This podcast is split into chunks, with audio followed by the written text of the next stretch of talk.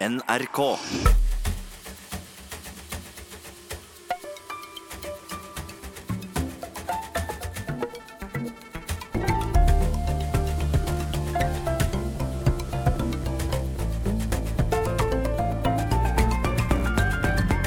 Venstresidens egen badboy, Eivind Trædal, eller Tredal, er gjest i dagens sending. Wikipedia-messig er han norsk forfatter og politiker. Bystyrerepresentant for Miljøpartiet De Grønne. Der sitter han i byutviklingskomiteen, og sammen med dama si, byråd for miljø og samferdsel, Lan Marie Nyen Berg, prøver de å lage så mye sykkelvei de klarer før Facebook-gruppa Ja til bilen i Oslo finner dem og dreper dem begge to.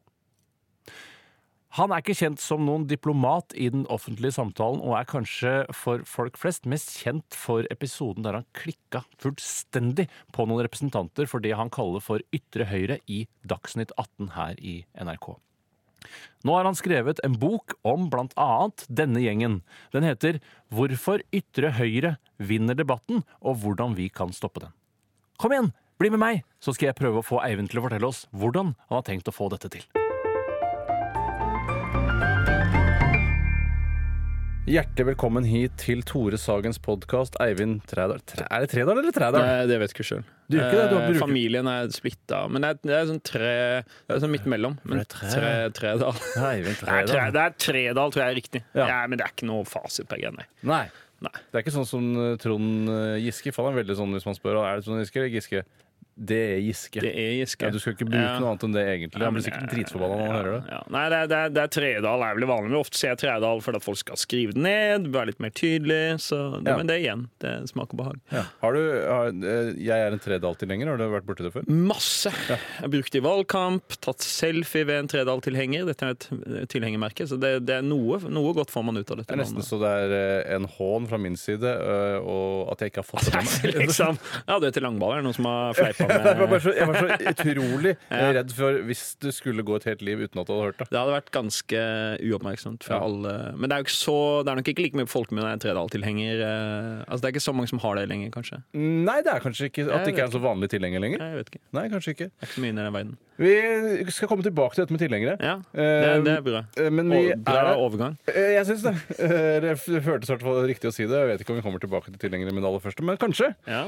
Eh, For du er her egentlig nå først og fremst eh, fordi eh, det er lanseringsjournalistikk. Mm. Eh, Du har skrevet en, en bok. Som jeg, jeg føler ikke at det er noe bok Du har ikke tenkt å tjene søkkrik på den boka? Nei, jeg har brukt mesteparten av overskuddet på å sende deg en kasse med juleøl og en vin, og sagt kan jeg være snill få et lanseringsintervju Ja. eh, i forbindelse med den. Så det, det går jo i best fall i minus. Ja, ja, ja. Fall. Jeg er veldig spent på hvordan det går på bestselgerlista etter hvert Ja, også. ja. Eh, Den heter 'Hvorfor ytre høyre vinner debatten'. Mm. Og så heter den også 'Og hvordan vi kan stoppe den'. Så det, Det er sånn inneholder ganske mye, da. eh, Ja.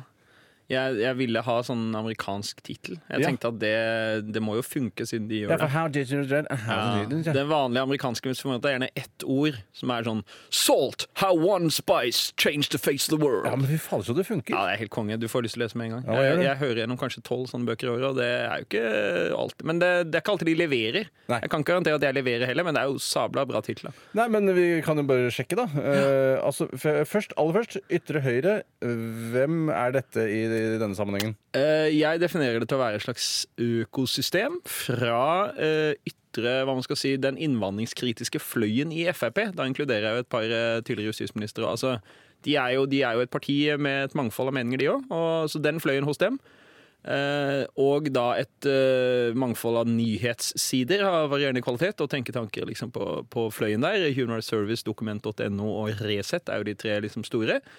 Og så har du da masse Facebook-grupper og andre enda mer uorganiserte greier, og småorganisasjoner av typen Stopp islamiseringen av Norge og, og diverse. Sånn at alt dette oppfatter jeg da som en sånn ganske sånn dårlig organisert, men for så vidt ganske effektivt økosystem av aktører som til sammen utgjør den liksom innvandringskritiske ja, igjen da, økosystemet eller ø, ø, bevegelsen Ja. som, eh, som i dag, mener jeg, da har et disproporsjonalt stort uh, uh, avtrykk i offentligheten, og lykkes ganske godt i sine strategier med å liksom skyve debatten i sin retning. da. Ja, det er stort avtrykk, fordi de er ikke så svære som de inntrykka? Er det det? Ja, på en måte det at I hvert fall hvis du ser på spørreundersøkelser og folks holdninger, nå er det litt vanskelig å si om folk bare svarer ja og ha på disse spørreundersøkelsene, men når det kommer til folks holdninger til innvandring og islam, f.eks., så er det ganske sånn jevn nedgang i skepsis fra tidlig 90-tallet til i dag. sånn at liksom, Det er ca. halvering da, av mengden folk som f.eks.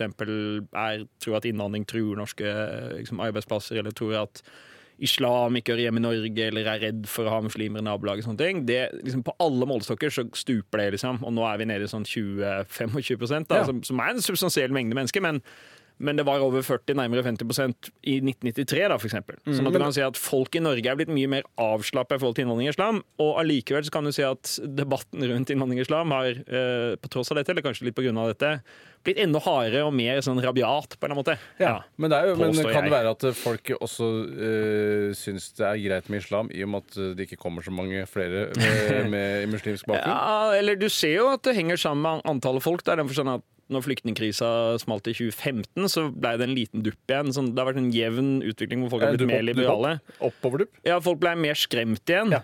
men så snudde det veldig fort igjen. Så Sånn at det er jo et eller annet der, at om folk føler at det er en kontroll på innvandringa, så da kan jo selvfølgelig en person på høyresida si at jo, jo, men folk har blitt mer avslappa også fordi vi har fått mer kontroll. Men det stemmer jo ikke helt, fordi innvandringsbølgen til Norge, den store mengden innvandrere, har jo kommet de siste 15-20 åra, og i den samme perioden så har innvandringsskepsisen sunket. Så den alternative, det som veldig ofte refereres til på liksom, forskning, og sånn, er jo at folk er mest redd for innvandring akkurat når det begynner å komme et par nye brune fjes i nabolaget. Ja. Og når det begynner å bli ganske mange av dem, og man blir kjent med de og ungene leker sammen sånn, så slapper folk mer av. Så det er liksom litt sånn intuitivt. Men det, det ser ut som det er det som har skjedd i Norge òg. Og det ser du også fordi i Oslo for eksempel, er jo det stedet med flest innvandrere, og in inkludert flest med på en måte fra, fra utviklingsland, folk som har kommet med flyktning, eh, som flyktninger. Og sånn sett er ofte tøffere å integrere, men det er jo her folk er aller mest avslappa. Ja. Så det er jo et paradoks der at hvis det var sånn at eh, frykten for innvandring var strengt knytta til hvor mange innvandrere som var i nabolaget, så ville man jo da ikke hatt det mønsteret, åpenbart. Nei. Så øh, det nettopp. Eh, Og øh, ytre høyre, de vinner debatten. Ja, dette ble jeg utfordra på av flere, og det, det syns jeg er et spennende diskusjon. Liksom, gjør de det? Ja. Eh, så er min påstand at så lenge Frp sin mest innvandringskritiske fløy eh, styrer justis og setter mye agendaen for politikken Av og til så blir det mer skrik og mindre ull, da, kan du si. Altså, Listhaug var jo ikke en vellykka minister hvis det kom til å stoppe innvandring. Hun endte jo opp med å legge fram masse forslag for Stortinget som ble nedstemt. og i det hele tatt og var tydelig komfortabel med å bare markere standpunkt versus liksom å faktisk få gjennomslag. Men eh, på et eller annet nivå så mener jeg at de lykkes ganske godt i å skyve hele ordskiftet i sin retning allikevel. da, Fordi man diskuterer på helt andre premisser enn før. altså Ta et eksempel som innvandringsregnskap, da, som, som mange mente var helt hårreisende for mange år siden. Det er liksom nå allment klart vi skal sitte og finregne på det. Ja. Og så blir det jo pirka litt borti da, at hvis du tar de samme tallene, så er jo veldig få nordmenn lønnsomme. Liksom, ideen om at vi alle skal lønne oss, ideen om at flyktninger skal lønne seg, det er jo litt komplisert. ikke sant? Det er jo ikke derfor vi hjelper folk fra krig og nød, at det skal gå i pluss på statsbudsjettet. OSV, OSV. sånn at men de har i hvert fall lyktes i å frame diskusjonen veldig langt inn i den retninga der. Og så vil jeg jo si at den der moralske panikken da, for at en eller annen innvandring et eller annet sted er utakknemlig, eller vil stoppe folk fra å feire jul, eller ikke vil ha, som vil ha, vil ha utenlandske flagg i 17. mai-tog. Altså, alle de der oppkonstruerte panikkgreiene der har jo dominert ganske mye, i hvert fall blant de som er mest engasjert. Og det mener jeg jo at det er som et mønster er jo da at Flertallet er mer avslappa, men de som ikke er avslappa, de er mer hysteriske enn noensinne. på en måte. Og Ja. det ser man jo litt. At når Siv Jensen skriver sånn Vennligst ikke kall folk Ikke, ikke hets uh, Lan Maries barn, da. Altså Ja. mi, mi, vårt kommende barn. Uh, så, så er halve kommentarfeltet sånn Nei, helvete! Ja. Og da er det liksom Ja, men i alle dager Altså, når, når hun liksom blir sittende og Når hun er landssviker, så blir hun ganske få igjen blant jøssingene i Norge, da. eh, ifølge disse folka. Ja. Det er litt trist. ja Og nå har det kommet noen antydninger på hvor mye landssvikere det var på 40-tallet òg, så Ja, det var vel eh, det, var ikke, det, var, det, var ikke, det var bare noen gode jøssinger, har jeg skjønt nå. Det er Ja. ikke så mange av de. Ja, det, det, det, hun er, Min kone er i dag på stort seminar om dette. Dette Ja. er det hun liker mest av alt, ved ja. siden av miljøpolitikk. Er å fordype seg i en sånn krigshistorie. Jeg av og til lurer på om hun mentalt er en 50 år gammel mann. Så går, så på, altså hun, går, hun er på et arrangement? For, I dag er hun på seminar om eh, hjemmefronten og krigen og Martin Michelets bok og sånn. Så det er da, For hun har litt fri i dag. Og det, Ja. hvis, hun, hvis hun har fri og virkelig skal kose seg, da setter hun seg ned som en annen eh, 50 år gammel gubbe med en bok om krigen. Ja, er Veldig guttete å være interessert, og særlig andre verdenskrig. Ja. eh, Eller kanskje alle kriger, vil jeg tro, men eh, rart at det er sånn, egentlig. Ja, det er rart at det er gutter. Jeg syns hun står på barrikadene der. Det er en av våre første dater så husker jeg tipsa om eh, Hardcore History, en Ja, ja. episode om som mange har hørt på, en episode om Genghis Khan. Andre date så han hørt gjennom seks timer, og da hadde vi lang diskusjon om eh, liksom, innhold og det, ja, det hele tatt. Så det, her følte jeg det klaffa veldig bra. Ja, det var, jøss, da var du heldig sånn sett. Mm, da. ja, det anbefaler jeg. Men det må jo få flere unge kvinner da, til å engasjere seg i krigshistorie. Eh, selvfølgelig. Ja.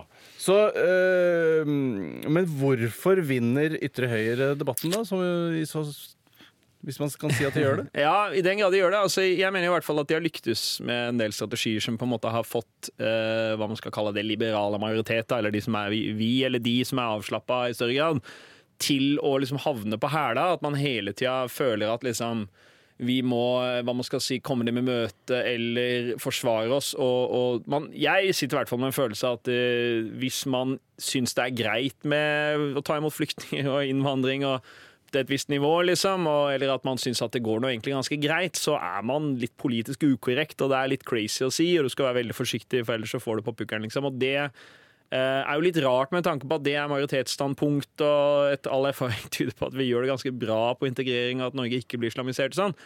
Um, og de har jo lyktes i mine øyne i å framstille sin interessekamp på en måte. da. De jo, det er jo ikke en egeninteresse så mye som en slags overbevisning de har, men, Ja.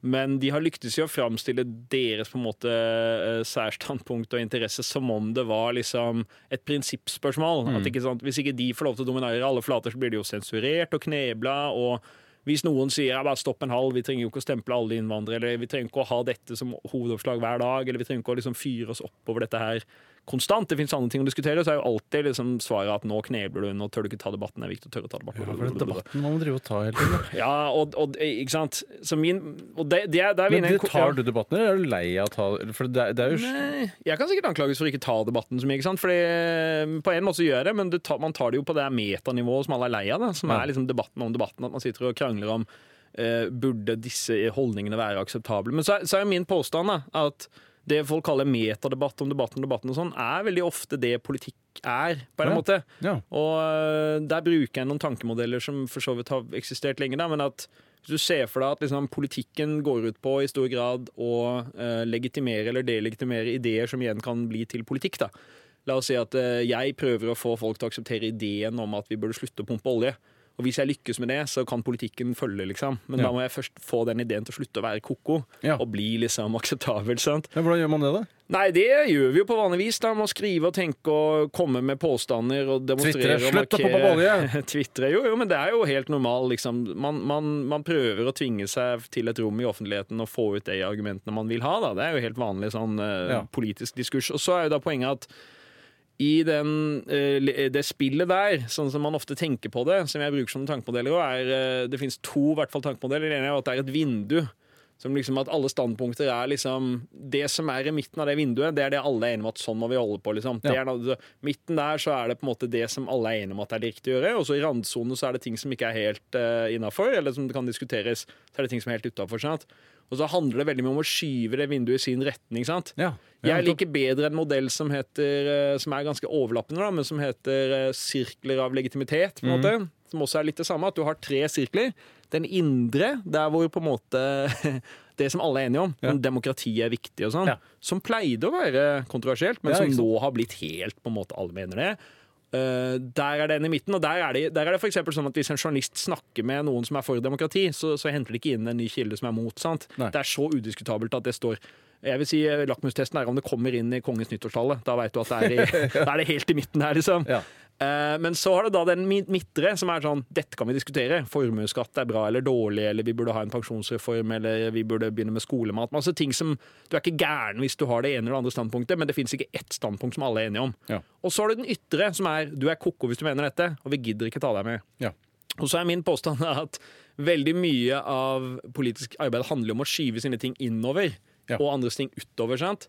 Eh, og Men det, er likevel, det kan ikke være noe nytt tilfang her. Man må presse ut noe for å få Ja, noe jeg nytt. påstår det i den for sånn, og Det er jo et veldig godt spørsmål. Ikke sant? For Kan man da åpne debatten mer? Ja, Lage et større Eller, vindu. Ja. ikke sant? Eller betyr det bare at man egentlig skyver den? Og Min påstand er at fordi det fins bare så mange timer i døgnet og så mye oppmerksomhet og så mange flater og så mange ting som vi tar seriøst ikke sant? Det er bare, veldig Mange ideer er jo gjensidig motstridende, sånn at du kan ikke både være for og mot uh, homoekteskap. Liksom. Så ma mange ting kan jo ikke eksistere samtidig helt.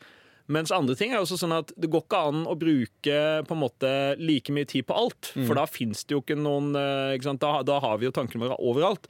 Politikken handler veldig mye om å konstruere ting inn i noen rammer. da Sånn at f.eks. en avisredaktør da, eller en eh, annen portvokter Dagsnytt 18-sendinga om dagene. Dagsrevyen, har bare plass til så mye stoff.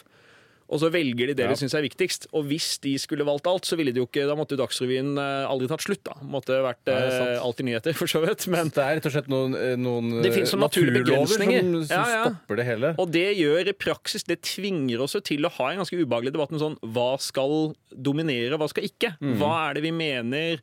Og Det er det jeg føler mange redaktører og andre som for så vidt har en ganske tøff jobb med å prøve å sondere dette landskapet, ofte er litt dumme på. At de ikke anerkjenner at de, de gjør hele tida sånne valg. Ja. Og du ser ganske få kronikker om homopati i de store avisene, eller er om.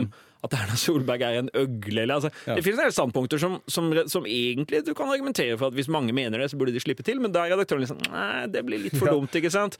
Ja. Eh, og samtidig så er det mange standpunkter som får veldig mye plass, fordi de oppfattes som brennbare og aktuelle og viktige, fordi det er mange som mener dette, eller så videre. Så, videre. Ja. så min påstand er vel bare at innvandringsmotstanderne har vært veldig gode på å skyve sine ting kjempehøyt opp på dagsordenen og få det til å bli veldig aktuelle, og skvise ut andre ting. da. Og da Mm. er min påstand at i den grad ytre høyre har at vi har, man, folk snakker om at vi har fått en mer åpen debatt hvor mer innvandringsfiendtlige standpunkter har blitt tatt inn i varmen. Mm. Så er min påstand at vi har ikke egentlig fått en mer åpen debatt, vi har fått en mer høyrevridd debatt, i hovedsak. Ja. For det har jo skvisa ut andre ting. Da har vi ikke hatt like mye tid til å prate om hva noe enn annet vi kunne prate om, om det var ulikhet eller fattigdom eller klima eller andre ting. Ikke Ja. Men jeg, jeg, jeg, apropos det med metadebatt, er artig at du snakka om fest, så bare at du hadde eh, eh, Og hvilke ideer som får plass i Mm. offentligheten. At du retweeta noen, en, en dialog som FrPs Jon Helgheim hadde hatt. Ja, hvor han spennende. foreslår at de skal bygge diker i Bangladesh, sånn som de gjør i Holland. Det var sprekt eh, innspill. jeg synes det var et Ja. veldig sprekt Men så, jeg merker at det der, For det, da handler det ikke om diker i Bangladesh. Det blir jo bare, Man gjør jo narr av Jon Helgheim. Men, Ja. men hvorfor kan man ikke tenke sånn det Er helt umulig å bygge diker i Bangladesh? Ja, det ville vært en utfordring, Til. Det absolutt All, All dikebygging Ja. er by på utfordringer, det er det ikke noe tvil om. Men, men, men for, for da, da diskuterer man jo ikke Nei, men sånn Saken, er det jo ofte, da. Hvis man tenker Og Jon Helgheim blir jo sikkert da litt opprørt, for det er sånn Ja. Jeg sier bare at i Holland så funker det.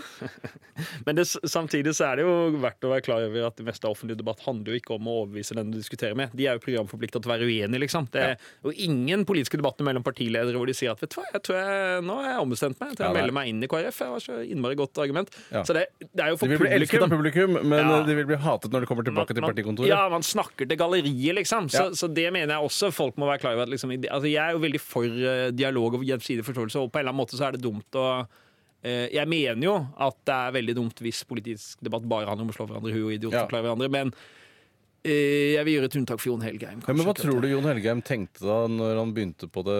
Det kan hende det bare sklei ut for han også. Jeg vet ikke om han hadde en tanke om å presentere dikebygging i Nei, Bangladesh jeg, som jeg tror det var noe han liksom eh, kom på der og da, da, er min mistanke. At det ikke har vært Han har ikke levert noen egne forslag at Norfund skal gå inn og starte et prosjekt. Jeg, jeg tror ikke dette har vært noe som har ligget i Kjømda, liksom, som han endelig nå fikk lov til å presentere. Men tenk deg eh, hvem ler eh, sist Ja, når Jon. Helgheim crowdfunder eh, Skaper altså, masse svær arbeidsplasser. Dikemaskineri der nede. Ja, det blir jo fantastisk. Nei, altså det, det er jo noen sånne spennende eksempler på at uh, av og til nytter det kanskje ikke å gå helt i dialog. Og det er jo også en diskusjon, da. ikke sant? Argumentere folk i god tro eller ikke, liksom? Kan også spørre seg. Jeg mener f.eks. at det eh, evinnelige argumentet som ofte kommer fra ytre høyre om at det vi er opptatt av, det er ytringsfrihet. Det er derfor vi driver med politikk. sant? For det er så innmari viktig med ytringsfrihet. Ja. Så, hvis, du da, hvis det finnes et eneste eksempel på eller hva skal jeg si, Med en gang det er i deres interesse å kneble noen andre, så er jo de de ivrigste av alle. Det er jo ingen som skriver så mange brev til Kringkastingsrådet eller PFU. Eller. Nei, det er det er jo et eller annet der som, som tyder på at dette er ikke først og fremst en glødende engasjement for ytringsfriheten. Det er jo eh, ytring mer til oss og mindre til andre. Men en måte- i boka di så skriver du jo veldig mye om ytringsfriheten, og det, Mm. det er litt sånn derre lefler med altså for, for den er jo ikke eh, altså Disse ytringsfrihetsfundamentalistene, er det det heter, som Mm. Ja. at alt skal være greit, det fungerer jo egentlig ikke, og sånn er i hvert fall ikke særlig pragmatisk. Nei, altså jeg påstår det at det På en eller annen måte så var det noen som Jeg, jeg, jeg trykker jo inn 22. juli som et bakteppe her òg, da. På en eller annen måte, fordi det var så åpenbart liksom en eh, traumatisk opplevelse som, som vekka en del vanskelige debatter om liksom, eh, sammenheng, da. Som jeg mener er viktig å se sammenheng mellom ord og handling og mellom på en måte retorikk. Vi er ganske vant til å tenke sånn, egentlig, at noen type ideologi eller retorikk kan være farlig. sant? Og det var jo det man på en måte ble obs på der, da, at hvis du går rundt og sprer denne Arabia-teorien, så kan det være farlig. Og, og, og da mener jeg på en måte at ett perspektiv vant veldig fram, da. Og det mener jeg jo de sjøl har innrømt litt òg. Når jeg sier de, da mener jeg kanskje de som kan. Så Knut Ole Åmås har sjøl gått ut, da, tidligere debattredaktør i Aftenposten, og sagt liksom jeg var en del av det konsensusen som danna seg etter 22. juli, og jeg ser at eh, Uten at han egentlig sier at det finnes noen annen klar vei videre, så påpeker han i hvert fall at det har jo ikke gått helt som vi tenkte. på en måte. Nei. At det å få trolla opp i sola Ja, for de sprekker ikke. Nei, de gjør jo ikke det, sant? Alle var helt sikre på at de skulle sprekke. Det kan jo diskuteres som han var, men jeg har i hvert fall inntrykk av at tanken var at det skulle skje et eller annet det magisk. det var ganske grei konsensus om at trollen skulle sprekke. det føltes sånn, og, og det var jo også i mine øyne da, i hvert fall problematisk at flere av de som da tok til orde for mer sånn her ja, ytringsansvar ble brukt. Eskil Pettersen ble ganske hardt skutt ned. altså. Det Ja. var liksom litt sånn at det var han som var skurken. Men.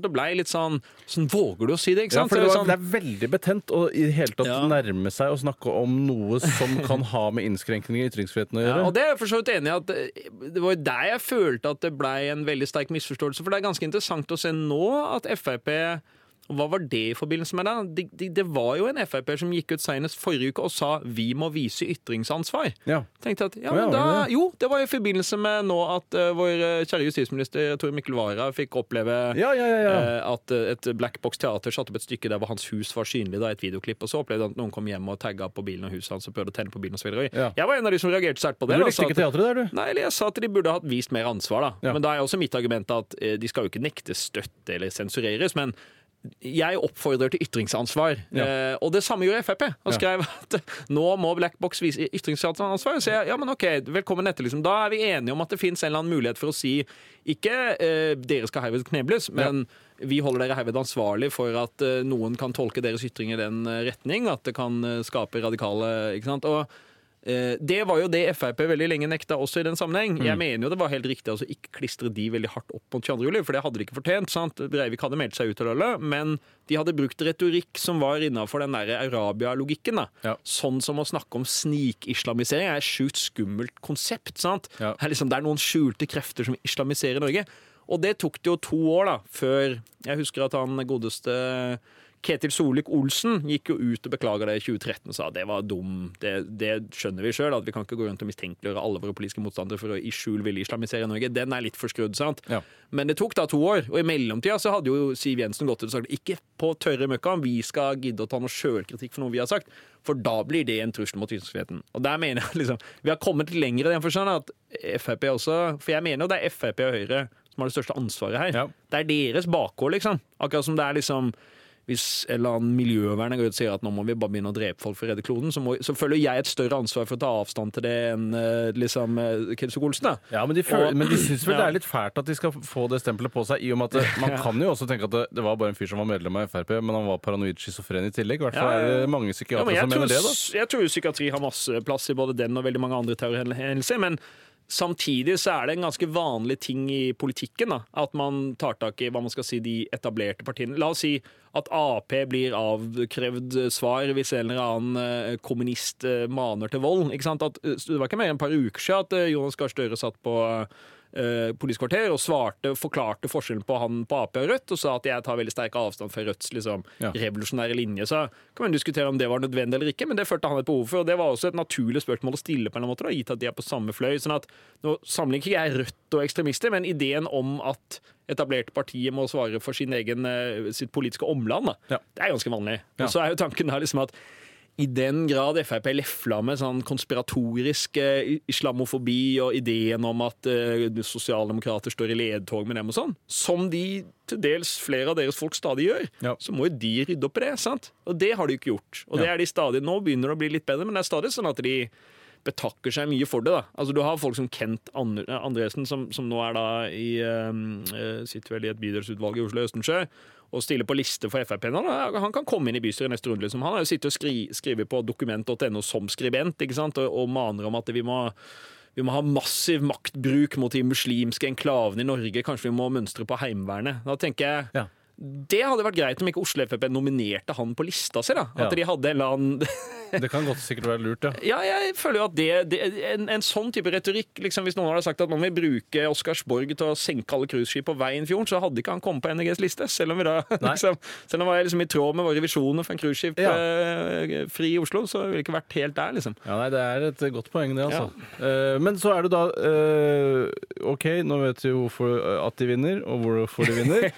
Men så, hvordan skal vi stoppe ytre høyre?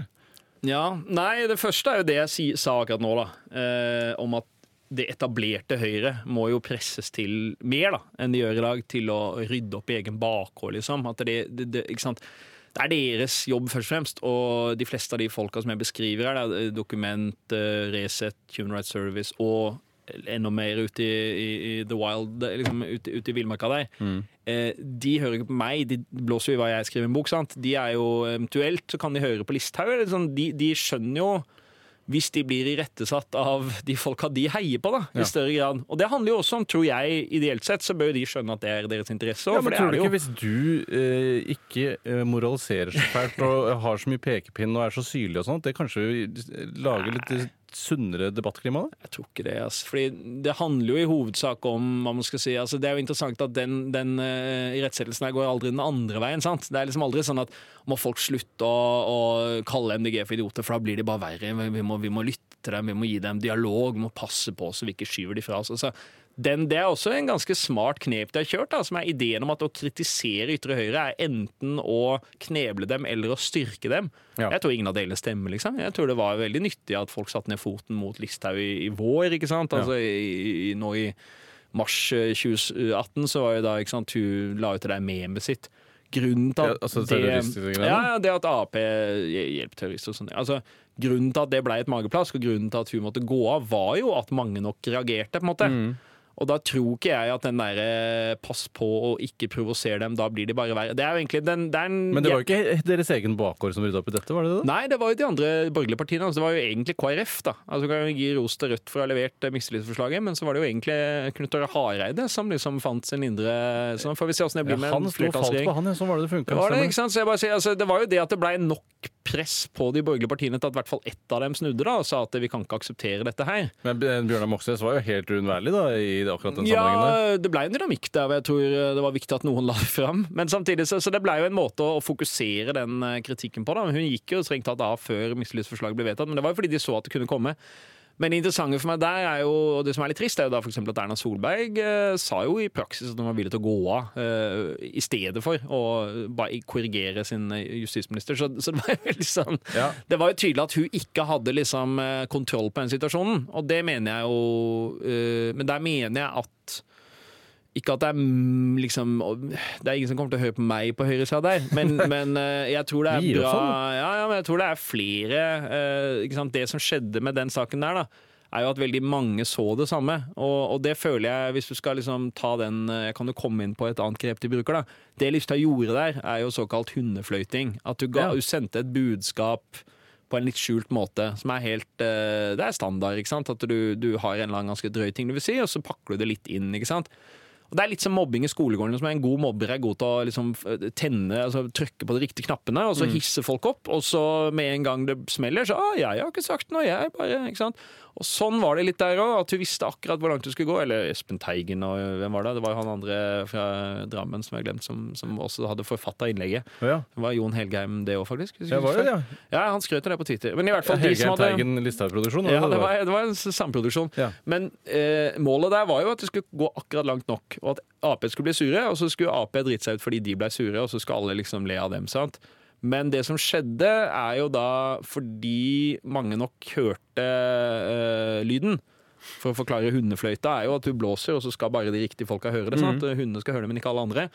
Og sånn er det, var det her, Plutselig så skrev både Aftenposten og VG og mange på lederplass det der går ikke an. liksom. Nå må dere, Vi skjønner hva det skjulte budskapet her er. liksom. Det, det, det, det sømmer seg ikke for en justisminister. Og det bidro da, eh, i sum til å skape nok, på en måte. Da, da var liksom the jig is up, liksom. Du Ja. kan ikke sitte og blåse i hundefløyta hvis alle hører det. Det gjelder, en Mobberen i skolegården blir jo avslørt hvis alle sier jeg ser hva du, Hvis læreren kommer og klipper dem i øra og sier du kan ikke holde på sånn. Ja. Så det blir litt sånn banal metafor, men det er, det er litt sånn jeg føler det var der òg. At eh, det er fullt mulig å rydde opp i det, så lenge det blir et stort nok press. da. Og jeg kan utøve relativt lite press fra ytterkanten, men på den annen side så Jeg kaller meg ytterkant, men jeg er jo MDG er et ganske liberalt parti på innvandring og integrering, da, og sånn sett eh, langt ute fra hva er det dere mener om innvandring og integrering, egentlig? vi mener at vi må ta imot flere kvoteflyktninger, eksempel, at vi må kunne akseptere flere klimaflyktninger i framtida. Vi, vi, vi har vært på en måte Vi var ikke med på det flyktningforliket i eh, 2015. Ja. Det var også SV som ikke var med. Rødt var ikke på Stortinget den gangen. Men fordi vi mente at det var for strengt og for mye, altså at det ville være en innstramming som reduserte integreringa, rett og slett. Så det er mange sånne ting. Men, men eh, så akkurat i den diskusjonen så er vi ganske fjerne fra Frp. Og Ja. det gjør jo også da at eh, Jeg ser jo at eh, mine innspill ikke nødvendigvis eh, veier så tungt, men jeg, jeg tror resten av offentligheten trenger å ta en runde på det. liksom sånn Åssen slår man ned på det som åpenbart er forsøk på å trolle offentligheten med den type ting? da? Men hvordan, eh, hvordan tror du at høyresiden Hva de tenker om når du klikker i Dagsnytt 18 og sånn? Tror,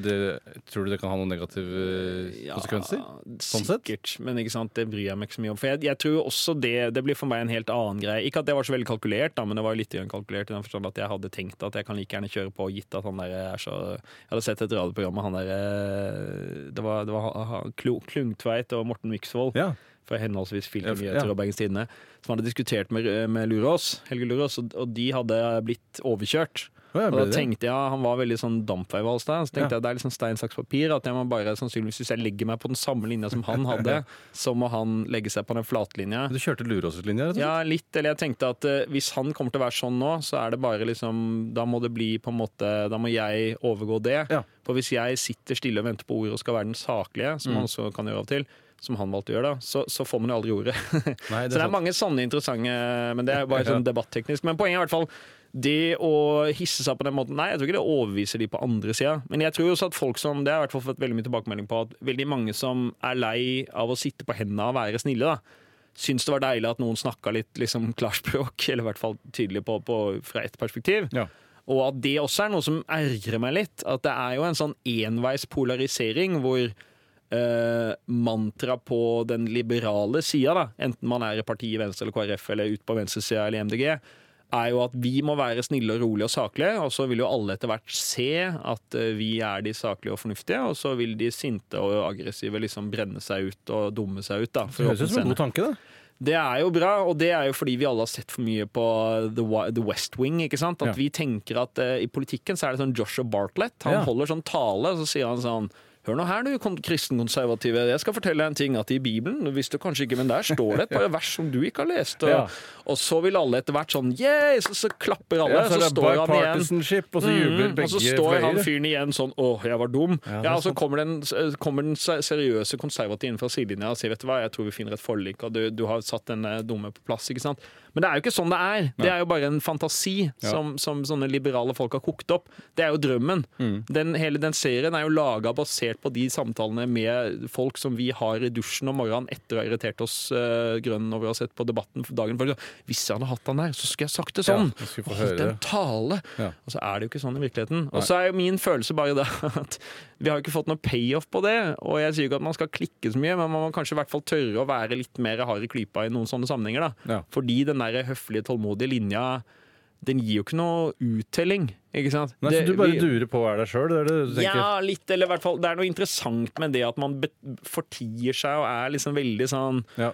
Og så blir det aldri noe payoff, liksom. Det, Men, ikke, men hva, du er ikke redd for å støtte fra deg potensielle MDG-velgere eller andre venstrevelgere være litt sånn de fleste har Nei, Hvor men moraliserende vil du si du er på en skala fra 1 til 10? Det er nok åtte, kanskje. Men jeg mener, men jeg mener jo at det er et spørsmål om moral da, i veldig stor grad. Altså, hvis du, det er jo ikke noe økonomisk på en måte, argument for å ta imot masse flyktninger. Det er jo ikke noe vi gjør av egeninteresse. Sånn. Altså, det å liksom hele den diskusjonen, eller åssen vi behandler våre liksom, nasjonale minoriteter, da, og folk med om de er muslimer eller andre. Altså, det handler jo veldig mye om etikk. Det er jo liksom, Skal folk føle seg hjemme her? Skal de føle at de er på B-lag og er litt uønska? Ja. Det føler jeg er veldig sånn Det handler jo litt om at integreringa går bedre, og da går økonomien bedre, men det er jo ikke derfor jeg er opptatt av det. Nei. Det er jo fordi jeg ikke vil at folk jeg kjenner eh, som har minoritetsbakgrunn, skal føle seg utafor, liksom. Ja. Og det samme liksom, ta imot flyktninger sånn. Vi tar jo imot flyktninger fordi vi syns det er riktig, og så er det litt sånn her fordi at hvis ingen tar imot flyktninger, så øh, kan vi jo alle på en måte øh, Åssen blir det da den dagen vi blir invadert, liksom? Altså Det er litt titt for tatt her, ikke sant? På et eller annet tidspunkt så kan det hende vi trenger et regelverk for flyktninger som, som kan hjelpe oss. sant? Ja. Vi har liksom bare lagt til grunn at det aldri kommer til å skje, men det er jo verdt å ha i bakhuet. Men utover det så er det sånn vi tar imot flyktninger og driver med bistand fordi det er snilt å gjøre. Ja. Det høres jo veldig nissete ut, da, men det er jo det det er, liksom. Men, Um, men eh, er du Hva tenker du om islam, egentlig? Er du ikke litt, bitte litt redd for at det skal bli utrolig mange muslimer i Norge? Nei, jeg er jo ateist, så jeg mener jo all religion er litt sånn fjolte, og Ja. håper jo at alle slutter med det. Nå er jeg jo katolsk gift, og Lan er for så vidt katolikk, men ikke sånn kjempeaktiv. Men eh, nei, altså, jeg syns jo for så vidt det er bra at den debatten også altså, Det tror jeg har vært den store grunnen til at folk har vært litt frustrerte òg, har jo vært at deler av venstresida har vært sånn her La oss for guds skyld ikke snakke om problemene Ja, med islam, for det har vi ikke man- råd til. sant? Ja, for Vi får ikke høre om hva dere egentlig syns om det. eh, Fordi dere har nok Mm. med å på en måte fordømme Nei, vi hadde en knallhard debatt på forrige landsmøte for eksempel, om eh, hvorvidt vi skulle gå Hva var det da? Var det hijab eller var det nikab? Altså Om sånn forbud mot en, Ja, og for, forbud mot omskjæring. Det var også Ja. en kjempehard debatt hvor folk trua med å melde seg ut av det med andre. For det er jo sånn derre jeg mener ikke det er spesielt viktig i den store sammenhengen. Hvis du skal stoppe kloden fra å koke over, så er jeg litt opptatt av at vi ikke bruker altfor mye krefter på den litt mer Er det sånn det dere sier når dere har sånn møte? Nei, nå blir det nå ikke glemme at det koker her, Jeg liksom. er litt der, liksom. At bare la oss holde fokus litt grann, når vi ikke bruker 90% av kreftene våre på den diskusjonen. Men det er klart det er viktig for de det gjelder, da. Eh, hva, hva, hva, hva stemte du i hijab? Nei, vi, vi feiga ut på begge. Jeg tror det, det er litt som at Høyre aldri klarer å vedta standpunkt om surrogati. Så tror jeg også vi endte opp med at forslagsstillerne trakk den formuleringa de hadde, og så ble det et eller annet annet. Men det, jeg tror ikke vi landa på noe i noen Hva mener du om hijab, da? Hijab mener jeg jo ikke løses med forbud, men jeg blir jo irritert når jeg ser småbarn med hijab. Ja, ikke det. sant? Ja, jeg tenker herregud, det er utrolig dumt at uh, man skal tvinge unger til å gå med det. Men Ja. jeg syns Selv om man får litt sånn sett litt ansikt av hijab, men ja, det er litt på siden av diskusjonen, litt, kanskje? eh, Det, kan, det er ikke bare stygt. Nei, men jeg, jeg er jo Ja, det, det, Ja, så det det, det mener jeg er problematisk, ikke sant? Men Ja. jeg er ikke sikker på om det å? For å være helt ærlig, jeg har vært for skoleuniform lenge, men det er det ingen som er enig med meg i partiet. Og jeg har heller ikke turt å foreslå det, for jeg orker ikke ta den krangelen. Men jeg mener at skoleuniform hadde vært en god løsning. Ja. At det ville også, For jeg er også veldig opptatt av det med økonomisk ulikhet. At liksom eh, det, det blir da mye mindre synlig hvem som er rike og fattige foreldre. Det vil jo stadig være lett for unger å finne ut av, men litt vanskeligere, da. Ikke Mm. Ja. sant? Det blir ikke sånn merkeklærpress og sånne ting. Men det blir ikke merkeklærpress når du kommer hjem fra skolen? jo, det kan det godt være, men i skolegården i hvert fall, så er det mindre synlig. Så det er bare Ja. sånne småting. Så jeg har vært litt sånn på nippet. Og da må vi selvfølgelig da i sånn MDG-ånd så må de da kle seg sånne batikklær og ha sånne fotformsko og Ja. Bøttehatt og sånne Ja. Ja, fader, dere har Hamp. veldig provoserende klesstil sånn sett, ja. ja. Det er så lite sommer, heldigvis, så dere dekker dere til en del. Heldigvis er det ikke så synlig ofte hva- vi egentlig vil. Altså, det, er jo, Ja. altså, det, er jo ikke noe tvil om at eh, islam er jo en litt sånn reaksjonær og keitete religion. eh, så, men, så jeg skjønner jo at Men det er jo veldig sånn som de finner ut av nå, da. Og det mener jeg også er liksom det som blir så finner ut av det? Er det Ja, noen altså i hvert fall det, Jeg syns det er mye mer spennende å høre om islam og tolkinger av det fra sånne folk som disse ytre høyre-folka driver og hetser i det vide og det breie. Sånn som Sumaya Jirde, som har tross alt sittet og skrevet da, masse forskjellige tekster under den feminist javist-spalta i Klassekampen. Skriver om hvorfor hun går med hijab, åssen hun vil. Hun er feminist, hun snakker masse om det. Så masse sånne spennende refleksjoner som på en måte er mye mer interessant da å, å høre hvordan de For det er jo først nå vi virkelig får med, altså Vi har jo lenge hatt uh, folk med pakistansk bakgrunn og sånn, men nå får vi jo enda flere med somaliske og andre bakgrunner som slår seg opp i akademia og begynner å få sin egen stemme og være liksom en sånn tydelig og det er jo tusen ganger mer interessant å høre deres refleksjoner enn å sitte og ha sånne metadiskusjoner mellom oss i majoritetssamfunnet om åssen de egentlig har det der nede og i det hele tatt. Og det føler jeg også har vært litt som trojansk hest for deler av Ytterøy, ikke minst for Human Rights Service, som lenge liksom deres store på en måte, eh, hva man skal si, trumfkort var at de var så tidlig ute med å snakke om eh, minoritetskvinners rettigheter. Ja. Og det måtte de jo ha cred for. sant? Og så da kunne de på en måte ikke kritiseres for å male på med konspirasjonsteorier etterpå, men Men det er jo Mm. Men, men øh, altså det må jo være greit å være eh, veldig kritisk til islam. Ja, ja. Eh, Det må jo være helt greit. Og, men eh, nå vet jeg ikke Men det er jo den, altså det jeg kritiserer, er den Arabia-teorien spesifikt. ikke sant? ja, For det blir konspirasjoner igjen. Ja, men det er det samme som ikke sant? Vi hadde en knallhard debatt om omskjæring. Mm. Men grunnen til at den ble betent, var jo da at eh, folk er livredde for antisemittisme. Du vil ikke at jøder skal føle seg u... Hadde dere ikke baller nok til det, altså? Tydelig ikke. Nei, men altså, det er, det er det som er diskusjonen. ikke sant? Og da kan du ta det på samme måte. da. Hvis en eller annen person sitter eh, dø altså, 23 timer i døgnet og er kjempeopptatt av eh, at jøder inngår i en konspirasjon for å undergrave Norge, og dernest også er kritisk til, til, til omskjæring, så, så klarer ikke jeg å helt kjøpe den der Det må jo være lov å diskutere problemene med jødedom. For det er sånn, Nei, men det er jo ikke den biten du i Altså, hvis det hadde blitt ganske lite trafikk på, for å si sånn, da, på Human Rights Service og Dokument og Resett hvis de bare skrev om utfordringene med integrering og hijab og sånne ting. Men det er jo den store fortellinga. Den, den der panikkstemninga om at nå er Norge snart islamisert pga. skjulte krefter. Det er jo det som er deres liksom bestselger. Ja. Det er jo der det liksom Når du cash- hører at det kommer penger fra Saudi-Arabia inn til moskébygging i Oslo Ja, ja. Kjenner jo på det, liksom. Men de er jo interessant, for de er jo, det er det jo ingen som eh, har turt å være ordentlig kritiske til, bortsett fra liksom de småpartiene sånn som MDG og SV, Rødt, sånn, som faktisk vil selge oss ut, da, som, som stopper stoppe å selge våpen til dem. og sånn. da. Så Ja. det er jo fascinerende at den derre Saudi-Arabia-linken Ja. Det er rart åssen de slipper unna hele tida. Det er sånn, eh, Hvor mange var det i de der flya i World Trade Center som var fra Saudi-Arabia? Det er jo ikke en, Alt det en god der. majoritet, ja. Altså, så får du sånn Ja, men da går vi inn i Irak, da. Og så tar vi Afghanistan. Og ops, han var visst i Pakistan, og sånn i land Men allikevel så er det liksom Saudi-Arabia er stadig gode venner. Ja. Eh, Hyggelig gjeng. Ja, det er litt artig, det Eh, det er rart, det der, altså. Men eh, for all del, altså. Alle de diskusjonene her, helt legitimt og kult og bra å ha. Og så er jo bare problemet at den da Egentlig er jo nettopp det litt av problemet. At de diskusjonene forsvinner jo helt bak i leksa pga. en sånn gjeng med ganske heftige konspirasjonsteoretikere som ikke egentlig er opptatt av å rydde opp i de greiene der, men som er opptatt av å bevise at Norge er i ferd med å invadere seg fremmede krefter, og at uh, kultursvikere blant uh, liksom, de etablerte partiene står i ledtog med dem. ikke sant?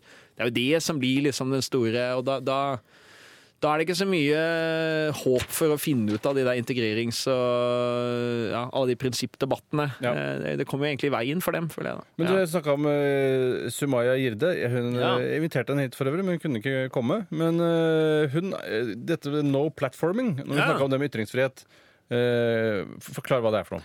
Ja, hun uh, har gått inn for det. Jeg har jo ikke vært så tydelig for det, men, uh, og er litt mer skeptisk. Men, men eh, det som det egentlig handler om, er jo bare det enkle faktum at eh, eh, en ting er ytringsfriheten, som er sånn frihet fra å få straffereaksjoner hvis du mener noe. Eh, Den er jo heller ikke total i Norge. Altså, det er jo, eh, vi har jo en rasismeparagraf, og det er ulovlig å hetse og true folk. Så det er mange ytringer som er forbudt, men eh, i hovedsak er det lov, og du blir ikke straffa for å si ting.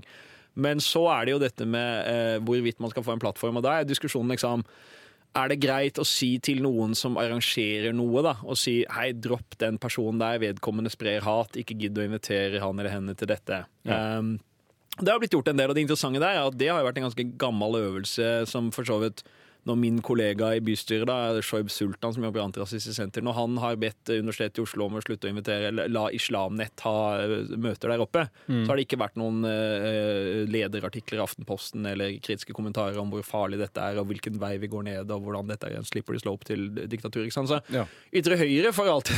Hvis man sier 'ikke gidd å la Hans Lysglimt Johansen', som ønsker å drepe landssvikere, og det der, ikke la han være liksom en eh, artig innvandringskritisk stemme på radio. Nei. Da er det sånn app, app, app, app, Dette er farlig. Hvis vi begynner å nekte han, hvem blir den neste? sant? Men er det så vanlig å gi altså, de aller mest hatefulle ytrerne så mye plass, da? Nei, det spørs også. En lysglimt var jo på NRK radio på morgennyhetene for bare et par uker siden. Ja, ja, ja, men det var et eller annet. Og han har jo for så vidt uh, spilt seg sjøl ut ved sidelinja, sant? men mens jeg men han mener jo begynte jo ikke så langt jeg følte, at- Var han ikke en Frp-fyr engang, eller tar jeg feil nå? Nei, han har vel, så vidt jeg vet, ikke hatt noen partitilhørighet Bare hatt de litt andre, obskure ja, partiene? Ja, ja. Nei, men det, altså, så, så der den diskusjonen egentlig går, har jo Jeg oppfatter jo, og det var jo noe jeg så Jan Snoen i Minerva, en konservativ skribent, også skrev at og det syns jeg var ærlig han, han sier liksom at Jeg mener jo også i noen tilfeller eh, at folk bør utelates, men min grense går et annet sted enn Tredal. sant? Og Da syns jeg vi har en saklig debatt, for egentlig er alle på et eller annet nivå for no platforming. Ja. For eksempel Hege Storhaug ble rasende på Resett for å tillate antisemittiske kommentarer i forbindelse med Hans Lysglimt. Ja. Og da skriver Hege Storhaug fra Human Rights Service dere trenger ikke gi han denne plattformen. Eh, eh, Det er ikke å nekte han ytringsfrihet hvis dere ikke gidder å spre dette hatet. Jødehat er farlig. Ja. Og synes jeg er ganske artig at hun sier det, for da er jo jeg og Hege Storhaug for så ganske enige. At det er, det er greit å si fra til noen dropp denne type ytringer eller folk på deres plattform. Men da er jo hele diskusjonen selvfølgelig hvor langt skal man trekke det. Ja. Og der mener jeg at man skal ha ganske restriktivt jeg tror det er veldig dumt å gifte seg helt med tanken på at man bare skal skvise alle ut av offentligheten, men jeg syns det alltid er verdt å ansvarliggjøre de folka som hva man skal si, uh, gir folk mye plass. Og så kan man jo også spørre i hvilken kontekst, og det er det jeg er mest opptatt av. Ikke så mye hvorvidt folk slipper til, men hvilken rolle de får. Ja. Og så er min påstand at man ofte lar ulver framstå litt til forklær. da. At det er en del av disse folka, inkludert Storhaug for øvrig, men, men også f.eks. Hans Helge Lurås i Resett, som får lov til å framstå som veldig moderate. Her kommer denne interessante redaktøren med litt alternative syn på virkeligheten uh, i en del settinger. Og så går han hjem og fyrer opp ekkokamrene og, og lager den hatfesten mot uh, ut. Og, og det er vanskelig å påstå, mener jeg, at man ikke gir han unødvendig mye legitimitet og plass. Uh, og at man gjør noe altså, ved å gjøre det. Og jeg mener at da gir man jo han også en legitimitet han ikke fortjener. Altså man, man må utfordre han på de greiene der hvis han da skal komme til, liksom. Ja. Men det- mener jeg. Ja, ja, nei, ja nei, så det er jo som du sier, at det i større eller mindre grad foregår no platforming eh, hele tiden. Alle redaktører sitter jo hver dag med 500 innlegg Ja. eh, altså i de store avisene, og så sier de 'den slipper til, den gjør de ikke'. Ja. Og det er jo ikke sånn at alle de som ikke slipper til hver dag, som er mm, brorparten, at de er nekta sin ytringsfrihet, men Nei. de blir da ikke heva opp. Og du kan jo si, hvis alle skulle heves opp, så hadde det ikke vært noen plattform. Da Nei. hadde jo bare et gulv. Men, ikke du, sant? men tror du eh, at det er helt eh, usaklig fra høyresiden å tenke at det, eh, det er så mye at Det er jo en litt venstrevridd eh, mainstream media.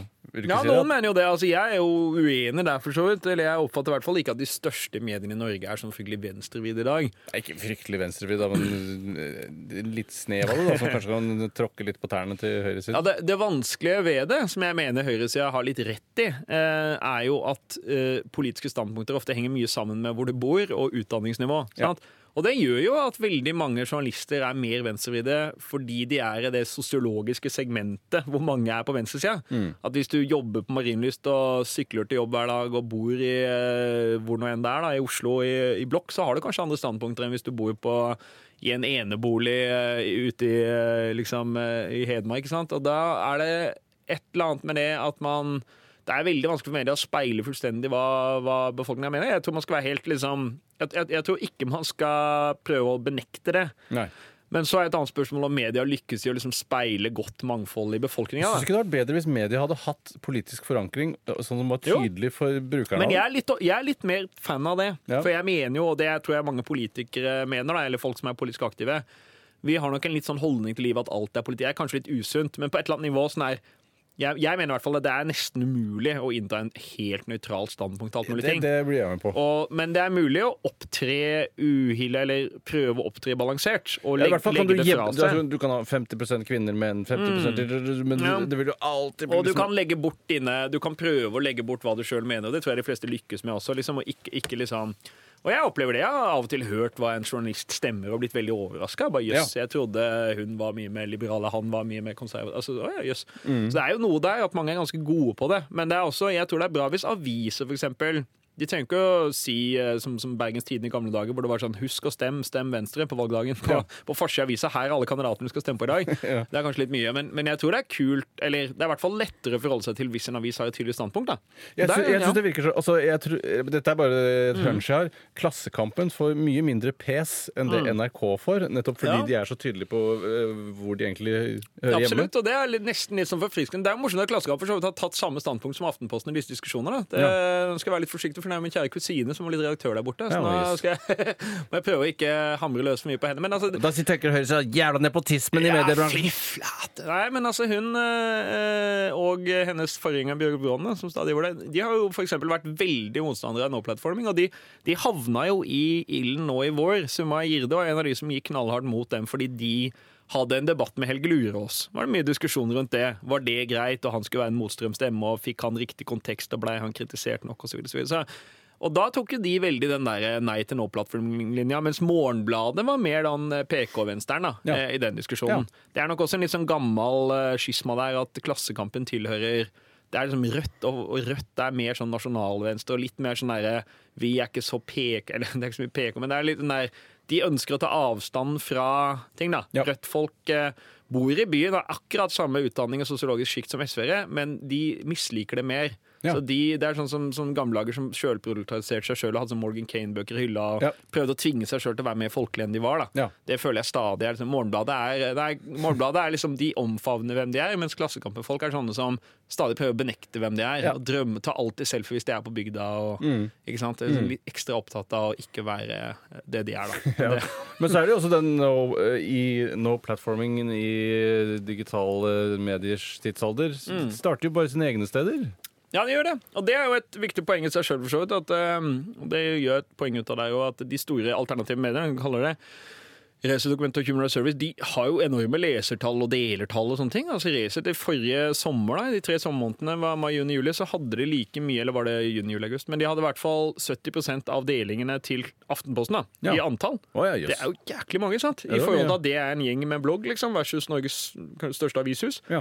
Sånn at Det viser jo at de har et ganske svært nedslagsfelt. Og det gjør jo også at man kan diskutere da Uh, i det hele tatt hvor mye makt har man til å plattforme eller no plattforme. Jeg tror media i stor grad sliter med det. Men det jeg tror de trenger å tenke meg gjennom, er jo Behovet for kvalitetssikra uh, redaktørstyrte medier er jo nå blitt mye større i møte med den der flodbølgen av alternative nyheter på nett. Og da er det jo ekstra dumt hvis de inntar en veldig sånn defensiv posisjon hvor de egentlig bare bidrar til å legitimere disse aktørene mer. da. Og det er jeg litt redd for at de gjør. Ja. De burde kanskje kjøre en litt hardere linje mot disse folka. Ja. Men det er jo interessant eksperiment som pågår nå, eksempel, at, at eh, Hans Rustad-dokumentet er tatt inn i Redaktørforeningen. sant? Så nå må de eh, svare for eh, Vær varsom-plakaten. De har allerede blitt felt masse, de kommer ikke til å holde det greiene der. fordi de har jo aldri vært noen fan av eh, sant, altså, å være presseetiske. Men eh, nå må de forholde seg til det. Det er verdt å minne om, da, jeg går litt gjennom det, men altså Dokument var jo da favorittnettstedet til Anders Behring Breivik, og det Ja. var ikke helt tilfeldig. Fordi de, de underbygde veldig det standpunktet han eh, til slutt eh, tok til det mest ekstreme. Ja. Mm, Det er noe med å liksom halvkvede aviser som hvis du bare synger dem helt ut, så er konklusjonen ganske skummel, liksom. Men hva, tror, hva tror du de stedene, eh, nettstedene der hadde vært i dag hvis ikke det hadde vært for 22. juli? Jeg tror de hadde vært Ja, det er vanskelig å si, altså. Det er nesten det som er skummelt, føler jeg. At det føles som om det ikke hadde noe å si. Ja. At det, liksom, Ja. det føles som om det ikke betød noe. Ja. Fordi de er jo der de er. I internasjonal kontekst så ligner det jo veldig på det som skjer i veldig mange andre land. ikke sant? At det er på en måte, De er kjempeinspirert av Breitbart og alle greiene der. Mm. Og Steve Bannon er jo liksom det idealet her, sant? Som, som flere av oss har trukket fram som nesten, nesten et forbilde. Han driver sånn fake news-plattform, og så seinere blir liksom politiker. Og, Mm. og i det hele tatt, og det er et eller annet der som tyder på at den der erfaringa Norge har hatt, egentlig ikke har påvirka. Det kan man jo si på godt og vondt. da, på en måte. Ja. Kanskje var det, var det ikke det vi ville? At dette ikke skulle ha noe å si? Ja. Men på den annen side, er ikke det litt fælt? At de ikke får noe å si? Ja. At liksom bare, vi bare børster av oss, går videre, og, tenker, og så begynner plutselig en eller annen Frp å si at heldigvis har vi ennå ikke hatt et alvorlig terrorangrep i Norge. Og så må du si Ja. hold, hold an, hold an. hold an? Eller når noen sier sånn dere har satt opp sementblokker i byen og ødelegger for gågata i Karl Johan. Og, Ja. og det er det vi kaller det koranklosset, som må liksom minne om at det forrige gang noen sprengte en bilbombe i sentrum, så var det ikke en uh, muslim, men det var jo en fyr som var pissredd for muslimer, og, og kanskje hadde litt den samme holdningene som du. Så det er et eller annet der. Akkurat de blomsterkassene. Jo, men de, eller? ja, de var sure pga. sementblokkene. De er mer fornøyd med blomsterkassene, for nå er jo alle blitt bytta ut. vi ser er så redde ut eller, det var sånn, Mm. Vi er veldig redde akkurat her i denne gata. er vi veldig, veldig redde. Ja, men det er, ja, sant? det er vanskelig å finne Er du, er du redd for at det skal komme en bilterrorist liksom, nedover? Nei, Du er ikke det? Altså. Men det det er altså det da fighting når du snakket om det i? Nei, jeg hadde ikke noen diskusjon om det i bystyret. Bystyret, det, vi skulle finne på nye ord for det, der, sånn folk husker forskjellen. byregjeringen. Byregjering, kanskje. Ja, det, det er morsomt at folk er så, syns det er så teit med byregjering, og så tar alle feil hele tida. Behovet er der. Ja. Nei, men de, de, jeg føler at det alltid er sånn der yesterday's war. Da, at det er vanskelig å sikre mot terror når du liksom eh, For hvis du setter opp de klossene, så er det vel et eller annet på T-banen eller et eller annet i fly. Altså, du, Ja. du kan jo Jeg kan aldri si det til alle lytterne som ikke Ja. har vært i Oslo og sett det, så er det hele Karl Johan er på en måte var først. Så før blomsterpottene, som er en understatement, eh, kom, så var det da svære sånne Ja, og rør. som ble satt opp på kort varsel pga. terrorvarsel. Og deretter kom vi med disse svære, massive bronseblomsterkassene som da det er vanskelig å ploge gjennom da, hvis man ønsker å øh, drive bilterror. Jeg har funnet et par steder hvor jeg skal klare å komme meg inn med en eh, high ace. Altså. Ja, ikke sant? Det er, hvis du virkelig vil. Men det, det interessante også med den terroren 22. juli, det mener jeg man skal ha litt i bakhuet, fordi det er internasjonalt Altså, den reaksjonære bevegelsen, om jeg skal kalle det ytre høyre, liksom eh, fyrer hverandre opp på tvers av landegrensene. Og det er ganske, altså, nasjonalismen er veldig internasjonal, da, på en eller annen Ja. måte. Og det er interessant for meg når folk sier at liksom, det var en enkeltstående hendelse, at det jeg eh, ser det mest i sammenheng med, kan være sånne school shooters i USA og sånn. At det greiene å hoppe meg på Utøya ligner veldig mye på meg for disse incel-terroristene. og disse Og det er litt det samme. altså Utilpasse menn eh, slutten av 20-åra til 30-åra som liksom hater kvinner, eller yngre, da. Som hater kvinner, og så går de på sånne der shooting sprees. Ja. Og jeg føler at Breivik også har litt for lite blitt satt i kontekst med de. For at eh, du, Det var jo det han Paul Greengrass, som lagde den nye 22. juli-filmen, påpekte. At dette ser vi jo mer av. Den derre- når du leser altså dette manifestet hans, så kjenner jeg igjen veldig mye som jeg har plutselig sett de siste åra, blitt mer og mer utbredt. Ja. Og Elliot Roger, så mange av disse nye liksom, skumle guttene som blir radikalisert på nett og sitter hjemme på gutterommet Elliot Rogers, hvem er det? det var han som Ja, ikke sant? Hvem er det? For det har vært så mange av nå, Du husker ikke? Nei, han, det var for et halvårs tid siden, et år siden, men han var på 4chan, og Ja, han var en sånn incel-gutt, da. han var innsalgsgutt. Som endte opp som hater kvinner og folk ikke eh, noen damer, og, og Ja. så skal han ut og skyte. Og minoriteter og hater han òg, tror jeg. Men ikke sant? Fellestrekk for det er at de minner mye om Breivik i retorikk Ja, og logikk, da. Hvor, det er, hvor kommer det fra, egentlig? Altså, incel-greiene? Det kom så brått ut av ingenting for meg. Ja. Bare for et par Nei, år det siden. er, jeg, jeg, det, Den beste taken på det syns jeg er eh, hun øh, Nana Johansson i eh, Lilla Drevet i den svenske podkasten som Aftonbladet har, som påpekte at hennes drøm hadde alltid vært at menn gikk sammen og snakka om frustrasjonen og problemene sine Ja. i, eh, med hverandre og hjalp hverandre. Og så kom hun fram til at eh, det har de jo begynt å gjøre på internett, og det førte bare til at de begynte å fantasere om å massakrere kvinner og minoriteter. Og hennes lov, som da ble kalt Johanssons lov, det var at menn alltid, hvis menn går aleine sammen uten kvinner og begynner å jobbe med et prosjekt, så ender det alltid opp med drap på minoriteter og kvinner. At det er sånn la oss tilbe Gud sammen, og boom, så har du en eller annen inkvisisjon eller Ja. et eller annet. ikke sant? Og ja. La oss heie på fotball! Yeah, la ut og slåss! Det, det Ja. sånn det er noe usunt der. Yoga, ja. Så det er et eller annet med at kvinner må inn i miksen. At vi, vi må bare ha blanda kor i framtida hvis vi skal bli trygge, tror jeg. da. Men hva tror du om uh, dette, denne høyredreiningen, antiglobalisme og Trump og sånn? Eh, Hvor langt tror du det vil gå før det liksom begynner å glatte ut igjen? Jeg Eller? veit ikke. Det er ikke lett å si. For Det det er jo, det er jo litt sånn der, hvis du tenker på de For store nå skjer det neste valg i Frankrike. Da blir det eh, populister der òg. Ja, Jeg vet ikke, altså, for det er et eller annet veldig Hvis du ser sånn de store linjene i historien, så har det jo gjerne vært sånn yin, like yin og yang, men litt sånn der pendelsvingninger. Ja, at- det går, for det, nå Ja, er det en trend i den retningen. opplysningstid, og så plutselig var Napoleon keiser, og så var det 100 år med som reaksjon av mye gamle keiserdømmer i Europa som klarte å klamre seg mye til makta på tross av at opplysningstida hadde skjedd. ikke sant? Og så hadde du liksom eksempel i USA, du hadde borgerkrig, de endelig fikk slavene slippe fri, og de svarte fikk like rettigheter. Og da var det sånn kjempeoppsving i hvor mange kongressmedlemmer som var svarte og sånn, og så boom! Fem-seks år senere så var det liksom Ja. nye raselover, nye måter å undertrykke det på, og så tok det da 100 år til før man hadde klart å riste det litt mer av seg. ikke sant? Sånn at Ja. Det er et eller annet der som er litt den der historiens pendelsvingninger, at hvis vi nå, som vi da har, har vært gjennom en kjempeutvikling med globalisering og liberalisering, og da jeg på barneskolen, så var det ramaskrik for at to menn kyssa på sju søstre, og så plutselig nå er jo alt liksom helt eh, Nå virker jo det som det var 100 år siden. Ja. Eh, Det er veldig morsomt når folk sier sånn KrF lever i steinalderen. Det er 1800-tallslogikk. Og så er det sånn Nei, er 2008 ble ekteskapsloven innført. Men, men det har skjedd fort, ikke sant? Ja. Og så er spørsmålet da om det kommer en sånn pendelsving tilbake. At liksom, er det en historisk lov? Er det sånn at vi nå liksom må bare skalke luken og forberede oss på sånn ja, reaksjon, da, som Ja. det jo heter. Ja. Eller uh, ikke. Og jeg veit ikke. Du gjør ikke det, men, men det, det Ja. ville være rart det skulle stoppe akkurat nå. Det er på en måte ikke noen god grunn til det. Nei, det skjønner ikke jeg helt heller, egentlig. Nei. For det liksom nå er så innmari Fordi sånn som USA, da. Der, og det er jo en interessant Nå provoserer jeg mange på venstre, ikke sant? Fordi det de ville sagt, som, som du og jeg nå ikke har nevnt, er jo da at jo, men det henger med økonomi. Det er det det er, liksom at den harde, hardtarbeidende arbeiderklassen de har blitt Ja. etterlatt på perrongen Ja, globaliseringa. Jo, eller ja, det gjør jo det til dels. Og det, det stemmer jo åpenbart i hvert fall i Storbritannia og USA og flere andre land er det jo en tydelig liksom, tegn altså det, det er tydelig at den eh, hva man skal si, middelarbeiderklassen har, eh, Det fins jo ikke noe arbeiderklasse i USA, har de funnet ut, men det de kaller middelklassen, har blitt etterlatt. Um, men det interessante for meg er at den reaksjonen eh, skjer på tvers av alle de utviklingstrekka. Ja.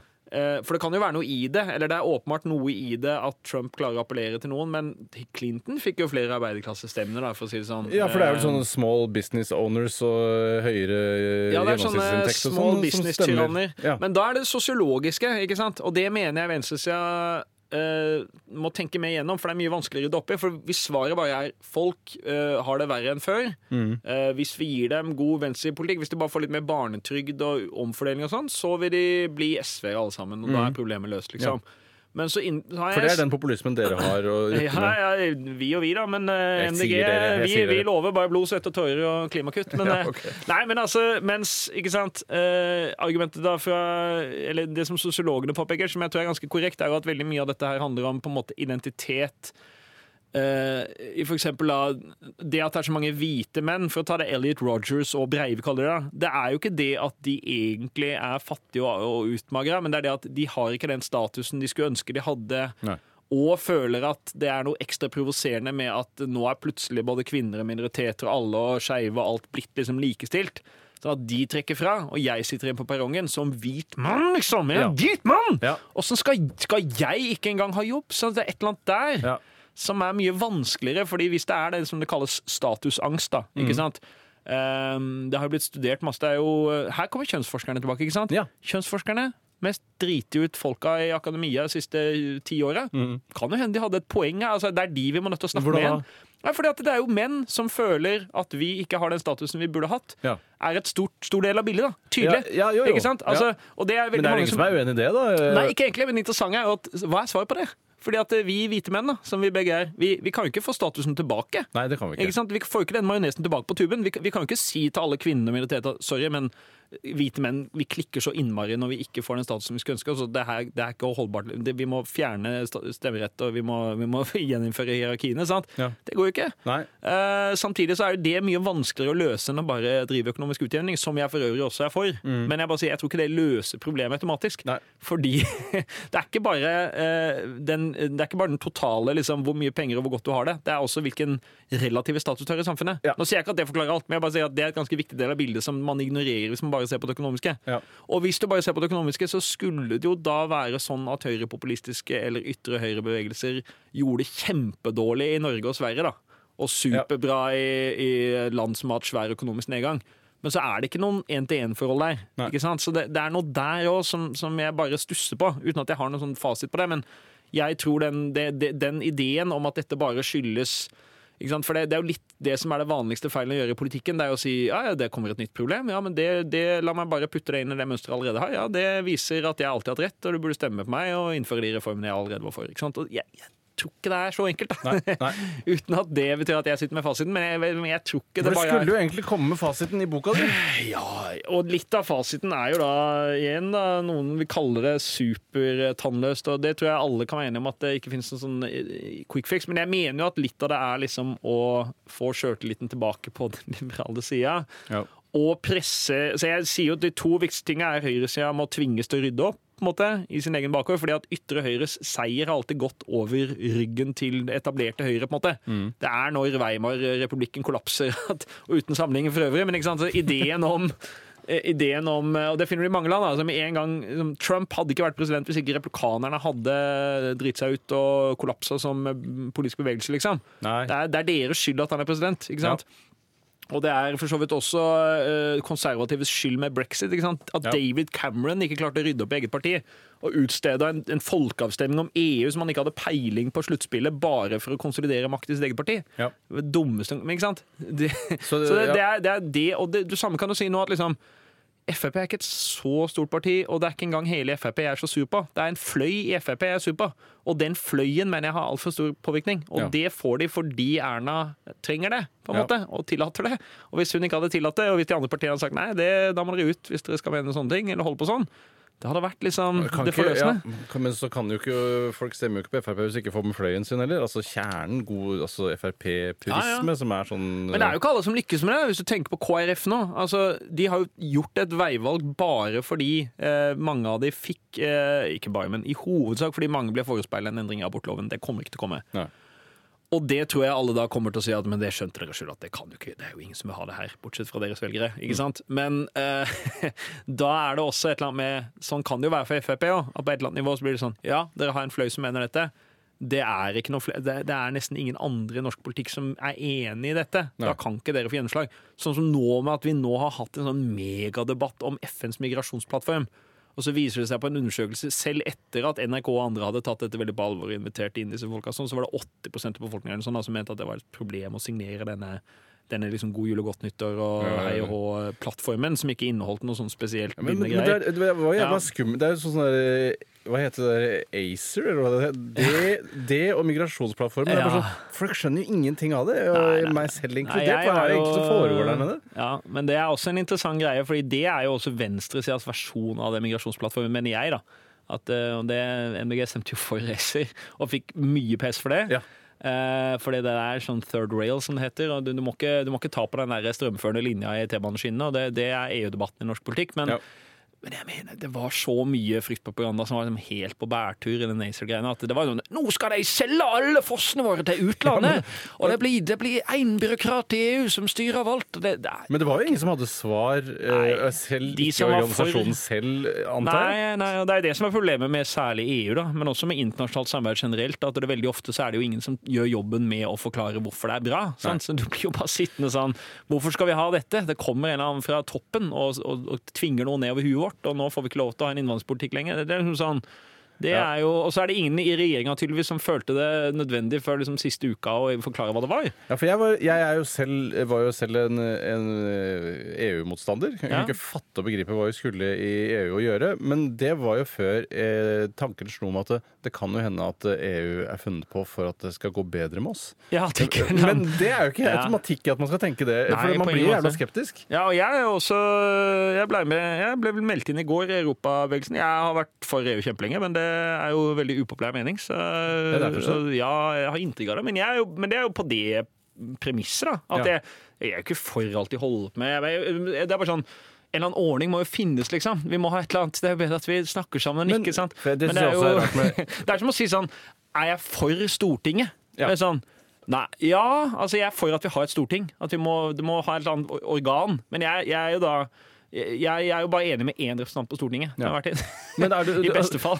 Så, så jeg er mot veldig mye av det Stortinget Ja, du har den ene, du. Ja, ja. Men, men, men eh, MDG er jo da for EU. Nei, nei, de er ikke det, de heller. Vi har ikke noe standpunkt. Ikke Venstre, ikke MDG. Det er veldig mange som Det må jo være noen klimafordeler med å, å bli medlem av EU. EU har jo kutta klimagassutslippene med 22% siden 1990. Norge har økt med 2,4. Den sjølråderetten har vi ikke akkurat brukt. Og, Så hele venstresida er mot EU, da? Ja, Norge er jo det eneste landet ved venstresida er eh, mot EU òg, Å, er nesten. det det jo? Eller, ikke. kommunistene rundt omkring i Europa, som Michelin i Frankrike, er mot, mens den breie venstresida i nesten alle europeiske land Også Corbyn er jo blanda, men der er jo inntrykk at Labour-basen, altså velgerbasen, er mer for enn det partiet er. Hva er, hva er grunnen til at eh, venstresiden liksom skal være Det har noe med arbeiderbevegelsen. Jo, men det er, de har legitime argumenter. Altså Det som er den store EU-diskusjonen i Norge i dag, er jo som type at NHO eksempel, har løpt til EUs eh, sant, domstol og fått overprøvd ting. Og, at EU blir en sånn, et organ som liberaliserer arbeidsmarkedet utafor den etablerte modellen med trepartssamarbeid og sånn, det skjønner jeg veldig godt. At, liksom, da driter du deg ut, fordi det er jo det som skjer nå, er jo at LO har blitt så piss pga. det. At de er på vei til å snu om EØS-avtalen. Ja. Jeg mener jo det virker ganske sprekt å se for seg at Norge kommer til å få veldig gode vilkår hvis vi skal reforhandle en avtale nå, med et EU som er sånn ti ganger sterkere enn det var forrige gang vi, vi forhandla, og vi står ikke noe sted. Så Vi har dårlige kort på hånda i en ny Ja. forhandling. Ja. Men det betyr jo ikke at det er uproblematisk at Norge sitter og tar imot eh, direktiver fra oven, da, selvfølgelig. Men da kunne diskusjonen vært burde vi heller sitte sammen med Danmark og Sverige og hatt en liten gjeng, og kanskje Nederland, og, liksom, og, og hatt en felles eh, kampsak og kjørt på og fått gjennomslag i EU, liksom? Ja, altså, det jo sikkert vært greit hvis media hadde dekket et par av de positive tingene som ble tredd nedover hodene våre, samtidig som vi altså, fikk høre om Mobilladere. Eh, kjempegøy. Det at vi har samme lade på alle Android-telefoner. Det, sånn det de ja, det? det er de som fant ut av det. Og det at vi har fri roaming i hele EU nå, det er også noe som de har vedtatt. Mange sånne ting. Vet Hvis ikke Robist nå, så vet ikke Ja, da er du faen Da er du vrang. Nei, men det er interessant at de Men jeg igjen. Jeg jeg er like for EU som jeg er for at Norge har en regjering og storting. Og da er jeg jo da veldig ofte mot vedtaka i regjering og storting. Men Ja. jeg bare En eller annen ordning må vi ha, liksom. Det, så det, så jeg, jeg er for ideen om et uh, politisk fellesskap der oppe. Men det er også interessant nå, ikke sant, at alle disse innvandringsmotstanderne og de som er hardest mot liksom, det, eh, de vil jo egentlig ha globale og internasjonale løsninger. Og så når det kommer, så er de jo mot det, for det innebærer å gi og ta og alt det der. sånn at eh, Jeg skjønner jo ikke åssen de eksempel den flyktningkrisa ble jo ikke løst av noe vi vedtok i Norge. Det var jo fordi EU fikk skikk på det og fikk gjort en avtale med Tyrkia. og russerne slutta å tillate at flyktninger fløy over grensa. Altså, mye sånne ting. Ja. Så vi er, jo, vi er jo et lite land, liksom. Vi er et lite land. Man trodde det, altså, Ja. man tenker sånn Vi vet vel bedre. Tenker, hvorfor tror vi at vi gjør det? Det Nei, det er Harald. Eia-analysen er at Norge er et, et, land med femteklassinger som har hatt sånn FN-dag, og så løper vi rundt alle resten av verdens land og forklarer dem hvordan de skal gjøre ting. Det, Ja, det er, det, Ja. det er et godt bilde. det. Ja, ja. Jeg, jeg har litt den indre Ja da. Nei, men eh, det er i hvert fall eh, ytre høyre stormer frem i mange land. Og så er jo litt av påstanden også da at de kanskje strengt tatt ikke har så mye løsninger annet enn at de fyrer opp under misnøye som altså Det er jo et lite håp, da. At eh, på et eller annet tidspunkt så vil kanskje til og med amerikanerne skjønne at det opplegget med Trump ikke var sånn kjempevellykka. Ja, ikke, altså. ja, det, det er lov å håpe, i hvert fall. Ja. Eh, hvis det er lov å si i media. At man, ah, nei, at man, nå, skal, nå må du være litt forsiktig, altså. Det, ja. Men tror du høy, at eh, høyre, de på ytre høyre uh, er litt ondere enn de på ytre venstre, hvis man kan si det? Stille de opp mot hverandre? Altså jeg mener at alle som har et eller annet moralsk standpunkt, må være ærlige på at de mener det er bedre enn andre. Det er også en sånn fascinerende den der, den, Det er den der ytre høyre-greia med å trekke beltet oppunder haka. Og så Ja. det slaget til beltestedet! Hvordan Ja. kan du mene? Og det er liksom, ja, jeg mener at mitt standpunkt i et moralsk spørsmål er det beste. Det er Ja. derfor jeg har det. Ja. Og da mener jeg også implisitt at et annet standpunkt er mindre moralsk høyverdig. Ja, okay. Ikke dermed sagt at du er ond, jeg bare mener at da har jeg landa på noe jeg mener. Og så kan jeg overbevises da, om at jeg tar feil, men liksom, det er et eller annet artig der med at konseptet liksom, Det at man har fått den der godhetstyrann og sånn, det er veldig fascinerende. Altså, ideen om å argumentere for at noe er godt, er nå blitt ondt. Jo, men det er sånn- det derre at eh, Men jeg, syns jo det var litt interessant det der med at man eh, må være god, men man må også mene det. På en måte, at det var Mm. noe sånn, Når vi gir penger, men vi er sure når vi gir penger.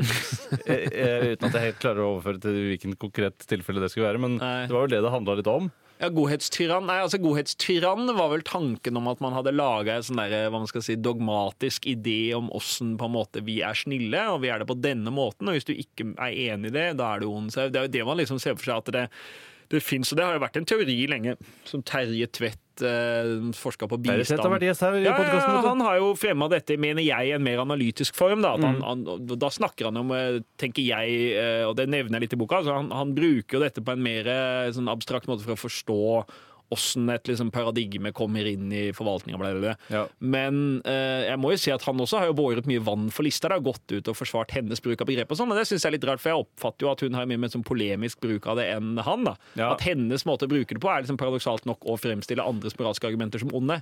Ja, så han burde ikke forsvart hennes bruk av det. Nei, altså Hvis du som politiker på en måte stempler andre for å være tyranniske i sin moral, da, så er jo det også en måte å si at noen er onde på. Hvis du skal bli meta, meta, meta her. ikke sant? Da sier du på en måte at eh, du tror du er god, men det du egentlig er, er eh, du, har, eh, du later som du er god, men du ønsker egentlig bare å kneble meg ved å moralisere. Ja. Og da, da finnes det jo ikke noe rom for at jeg faktisk kan mene at noe er riktig. Nei. Fordi alle mine da moralske standpunkter er bare skjulte maktmekanismer. ikke sant? Så er, sånn, det er en litt sånn konspiratorisk tankegang der òg. At eh, andre folk inntar sine standpunkter ut av sånne skjulte, hva man skal si, kyniske hensyn. da, Ja. For å knuse oss andre. Så, Ja. Men det er jo noe, det er jo noe reelt i bånn, selvfølgelig. At sånn fungerer jo moralske argumenter av og til. ikke sant? Så det, Man skal jo ikke avvise totalt at det finnes eh, hva man skal si, sånne par, pa- paradigmer som kan være kneblende for andre. Ja, ja. Eh, hvordan går det med klimafrykten? Er du Ah, det er verre enn noensinne. Er det, er du ordentlig skikkelig redd? Ja, virkelig. Jeg skal få barn til våren. Det kommer til å bli enda verre. Men eh, det Hvor, hvor, hva, hva du, eh, hvordan ser du for deg klimakatastrofen for deg selv og din lille familie? Nei, det klarer jeg ikke å forestille meg. Det, Det tror jeg nesten ingen klarer. Men uh, det er jo en følelsen som jeg av og til kan føle er litt reell allerede nå. da At Ja. ting rakner litt mer Du ble hvert stressa da det ble varmt i sommer? Ja, veldig. Ja. Og, nei, men også at ting At man blir vant til at ting rakner litt mer hvert år. Sånn, før var det Ja. ja sånn, sånn, det er noe du er redd for at folk skal liksom I verden. Jo, men eh, nå, nå klager alle på at folk får færre barn i Norge. Sant? Nå var Erna ute og snakket om å få mer barn, folkens. Så tenker jeg kanskje ikke så rart hvis du tenker på at det fins en eller annen magefølelse hos folk. sånn skal jeg sette i gang et 80-årsprosjekt nå, liksom? Sånn i denne Ja. på en måte konteksten? At det ser ut som ting liksom går litt sånn sklir litt ut ja, i alle retninger. eh, eh, Hvordan rent fysisk føler, tror du det skal manifestere seg for deg? Eh, hvordan ser Nei, altså, Om det- 40 år, da. Ja, jeg tror det ser ut ikke som klimakrise, ikke sant? For det, det ser ut som at flere land eh, blir som failed states og kollapser litt, og det er flyktningkrise der og der. Og så ser det kanskje ut som eksempel at flere land blir liksom enda mer restriktive. Kanskje det blir mer kriger, kanskje det blir mer uro og nød. Plutselig er det færre varer i butikken og ikke flere. sant? Plutselig så får vi ikke kiwifrukt om vinteren. det er Et eller annet sånt tull. Ja. Og at vi får altså Jeg er også redd for liksom det liberale internasjonale orden på et eller annet nivå. da. Ja. Nå var jeg liksom, fikk min eh, politiske barndom med å gå i sånn anti-WTO-demonstrasjon, og sånn, så jeg har liksom vært en Ja, for antiglobalist. jeg ja, en gang. du har vært na- Natur og Ungdom, Ja, ikke det? ja, vi var jo skeptiske til sånne ting, men, men i etterkant så ser jeg liksom sånn at eh, det er litt den derre Du vet ikke hva du har før du mister det, liksom. Altså, sånn ideen om at det i hvert fall fins en eller annen orden. At det, som jeg blir redd for sånn nå, da. Bare at vi har fått Trump som sånn akselererende faktor, da. Som på en måte river ned det lille systemet vi hadde med etter krigen, på en måte. Ja. Men at vi liksom får en situasjon der hvor alt blir mye mer utrygt. Ikke sant? men tror du ikke også at litt av Men det blir veldig vagt, dette her. Jeg skjønner det. ja, men det, det er ja. jo vagt med hva følgene av klimaendringene er, fordi Men det det blir, er sånn, sånn helt konkret sånn mat, Avlingene svikter. da. I år så svikter avlingene i Norge totalt. sant? Det er Som ja. litt helt krise for landbruket. Vi merker det jo ikke, fordi vi kan kompensere med handel, og det kommer ting andre steder ja, fra. fisk, da, du... Vi kan kjøpe maten til noen fattigere folk som ikke har råd. ikke sant? Så vi kan, vi kan gjøre sånne ting. men i en situasjon der hvor flere og flere økosystemer kollapser og landbruket får større, tøffere og tøffere vilkår i andre land, altså plutselig så blir det, om ikke matmangel, så plutselig bare kjempedyrt med mat. da, og, og kamp og kanskje handelsrestriksjoner. og Kanskje vi plutselig ikke får lov til å kjøpe type korn fra Malawi fordi de trenger det sjøl. Det blir men, sånn. men dette er, det er det jeg mener at det, det er så komplekst. Ja. Fordi man vet jo ikke hvordan det skal bli, for det er jo Ja. bare det totale kaos. Men det er jo også grunnen til at mange ikke bekymrer seg så mye. Hvert fall sånn i dagligdags. da, fordi eh, det, det er sånn uh, man, man forstår ikke konsekvensen av det. Altså faktisk. Men jeg er jo i den skolen, for vi har to skoler i partiet vårt. og du har han Per Espen Stoknes, som var vikarien på Stortinget nylig, som er den derre Vi må være mye mer positive, snakke om løsninger. ikke sant? Det er kjempebra. Og Klimapsykolog, er det Ja, ja, ja. Og jeg er helt i andre enden, da. Jeg syns vi lever godt med hverandre hvert, hvert sitt standpunkt. Men jeg er sånn, folk skjønner Altså, folk må bli mye mer deprimert. Ikke deprimert, men folk må skjønne hvor krise det er, liksom. Det er ikke Jeg tror ikke det nøyer Og der, der blir jeg også inspirert av ytre høyre. Sånn. Det er ikke sånn at Frp løper rundt og sier sånn Det er fantastiske muligheter i restriktiv innvandringspolitikk. Det gir masse fantastiske verdiskapning, og, og vi kan drive med insentiver. Vi kan, vi kan, eh, små næringsdrivende kan få insentiver til å ansette færre flyktninger. Altså, det er ikke sånn det fungerer. De maler jo på med dommedag dag ut og dag inn, og det ser ut til å funke fint for dem. Og så sitter vi og sier sånn ja, når vi sier at verden kollapser, så sier vi på en måte at det er en mulighet. Det er fantastisk spennende, og jeg tror jo på et eller annet nivå at det dessverre ikke, det ikke Jeg klarer ikke å si det helt med straight face, da. Nei. Er du, sånn- men du, er, ja. du er jo en veldig viktig stemme, fordi du, er, du durer på og er, og er dommedagskongen, Ja, liksom, litt grann, i. MDG. Jeg kunne vært mye verre. Ja. Men hvor bekymra er du selv personlig, da? Jeg er veldig bekymra, men jeg er nok en ganske avslappa type. da Så jeg er ikke så nevrotisk av meg sånn sett at jeg går rundt og er stressa. Nei. Men jeg Du er profesjonelt stressa, da, egentlig. Ja, men ikke sant? på et eller annet nivå så Det er vel bare den følelsen av at man må liksom stålsette seg. At det her går jo åpenbart ikke bra. Bare en sånn artikkel i går da når en eller annen klimaforsker sier liksom Det ser ut som sensitiviteten for at all grønlandsisen smelter kan være litt lavere enn hun trodde. Det kan se ut som det er kjørt. Ja. Det er sju meters havstigning, da. Riktignok over et par hundre år, men la oss bare, bare den tanken på at liksom ja, Et par generasjoner så er liksom hele Florida nesten i sjøen, og Danmark og liksom Det, det er bare sånn Det er Ja, og det er uunngåelig. Ja. Det er ikke sånn vi, får, hadde- ikke den, det får ikke det vannet til å fryse igjen, liksom. Det, Nei, men jeg hadde eh, Bjørn Samset Ja, fra han, Cicero på besøk her, ja, ja, ja. Og, han, eh, og jeg prøvde liksom å fitte han ut. meg. Er det noe Kan det gå litt bra? Eh, og det han, Altså, han kunne jo ikke eh, altså, nekte å, å si at det, på en eller annen måte kan det gå ganske bra, men det kommer til å gå ganske dårlig. Det er det ikke noe tvil om. Ja. Men han var ikke så Jeg klarte å skvise ut et lite håp av Bjørn Samset. Men vi prøver, ikke sant? Det er fascinerende når du liksom, at det er liksom blitt nesten påbud ennå. Sånn, vi må være positive, vi må snakke om muligheter, vi må gi folk håp. Ja, og da er jeg litt sånn her Jeg er liksom enig på ett nivå, men dette er jo et gradsspørsmål, bokstavelig talt. Sånn, sånn at det er liksom det vil bli verre, eh, og gradvis verre, bokstavelig talt, i temperatur. Eh, hvis vi ikke gjør noe, jo mer vi gjør, jo mindre ille blir det. Men det kommer til å bli kjempetøft allerede. Ja. Og det som er bittert og gjør meg sur, er jo sånn når du ser de der grafene For at denne bølgen, la oss si da, du skal kutte sånn, så det er nedoverbakke. Mm. Du skal, du skal komme ned til et visst nivå. Og det er liksom å betale et boliglån. at Hvis du, du har 25 års eh, løpetid, 2000 kroner ikke, ikke 2000, men du, du, har, du har avdrag på 20 000 i måneden da, for du har, ta, du har kjøpt deg en fet bolig og du skal betale ned på den over 25 år. Og Så utsetter du betalingene, og så blir det høyere og høyere månedlig avdrag. Og så har du utsatt i, i 20 år, da, så er det avdrag på 200 000 i måneden. Da går jo ikke det lenger. sant? Men det var jo, helt, det var jo fullt mulig å betale det lånet hvis du bare hadde begynt. Sant? Ja. Og, og, og sånn er det også her at Da jeg ble med i miljøbevegelsen i år 2000, så kunne vi ha nådd alle klimamåla, klart 1,5 graders øh, vi, vi, med bare 2 kutt i året. Og nå er vi liksom oppe i snart 10 kutt i år, og det er bare ikke fysisk eller politisk eller økonomisk mulig, sannsynligvis. Nei. Så vi, vi har Det å utsette ting i klimaet, det er det som er så skummelt. At hver gang du utsetter det, så gjør det problemet større og vanskeligere å løse. Men du beroliger befolkningen ved å få barn, f.eks. Du som er så redd for klimaendringene. Likevel så tør du å få Ja, et opprørsprosjekt kanskje- stablet på beina. Ja, det er for seint. Nå nei, ja, nei, kjørt den. Nei, men altså, jeg, det, det er litt sånn der hope against hope. Altså, jeg jeg Ja. tror det blir trivelig, og jeg tror det fins en verden, altså det finnes et liv på en varmere klode, men det er bare mye tøffere, mye vanskeligere, mye mer eh, på en måte utrygt.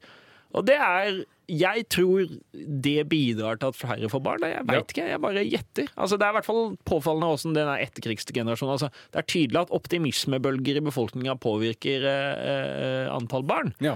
Og Ja. jeg tror kanskje, ved siden av tusen andre faktorer, at det kanskje også bidrar til at folk i Vesten, og i hvert fall i Norge som er høyt utdanna, sånn, at vi tenker liksom Går dette egentlig bra? Liksom? Så jeg Vi må jo tro det, hvis ikke så er det noen vits å holde på, liksom. Men, men jeg tror ikke man skal gi folk falsk håp. Og det som irriterer meg litt, er jo at folk sitter sånn som du, da. Sånn, «Ja, men kom igjen da, Bjørn Samset! Gi oss noe!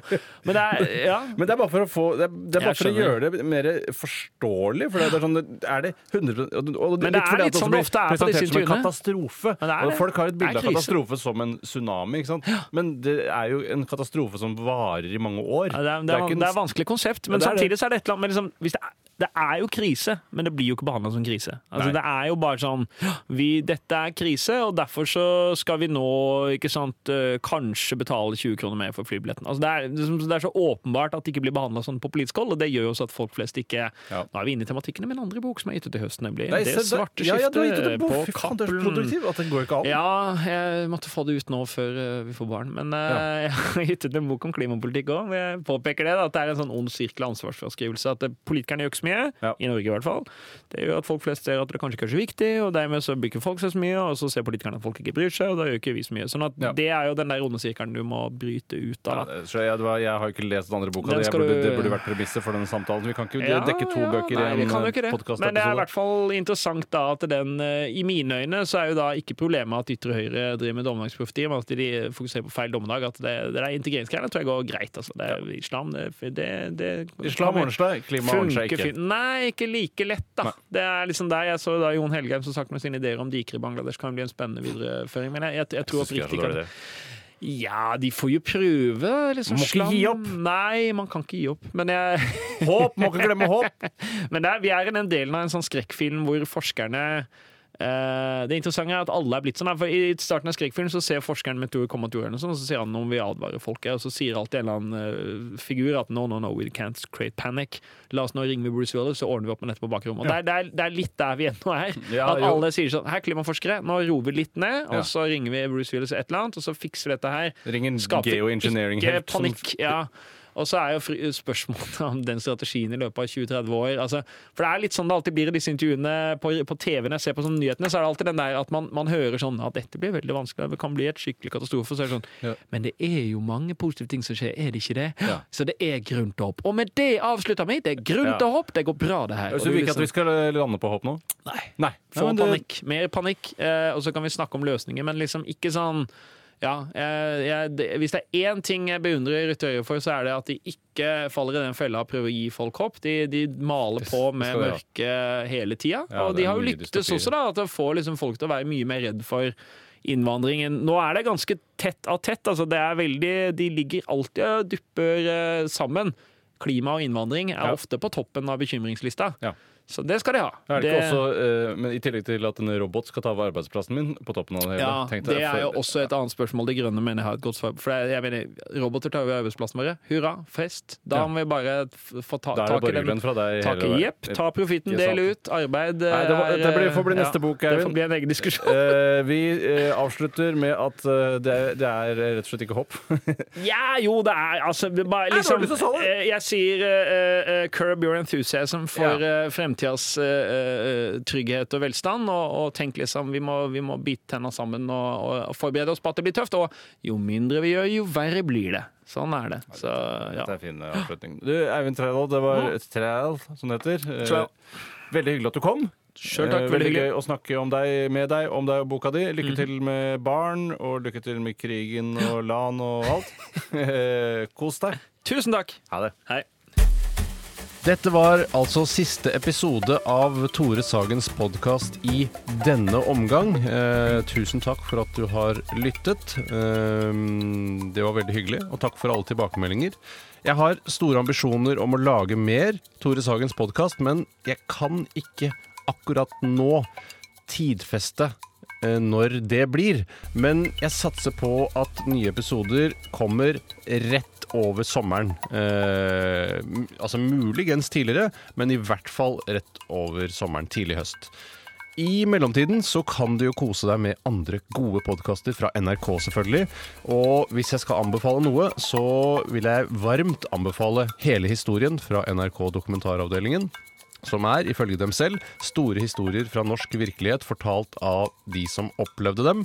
Dokumentarer om hendelser som har påvirket hele nasjonen. Og det, der, jeg har hørt uh, alle uh, tingene som de har laget, og det er utrolig ryddig.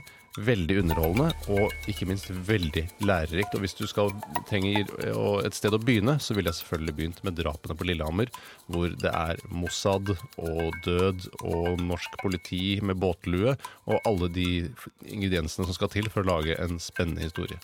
Eh, Så til vi ses, eh, høres igjen, ha det fint så lenge.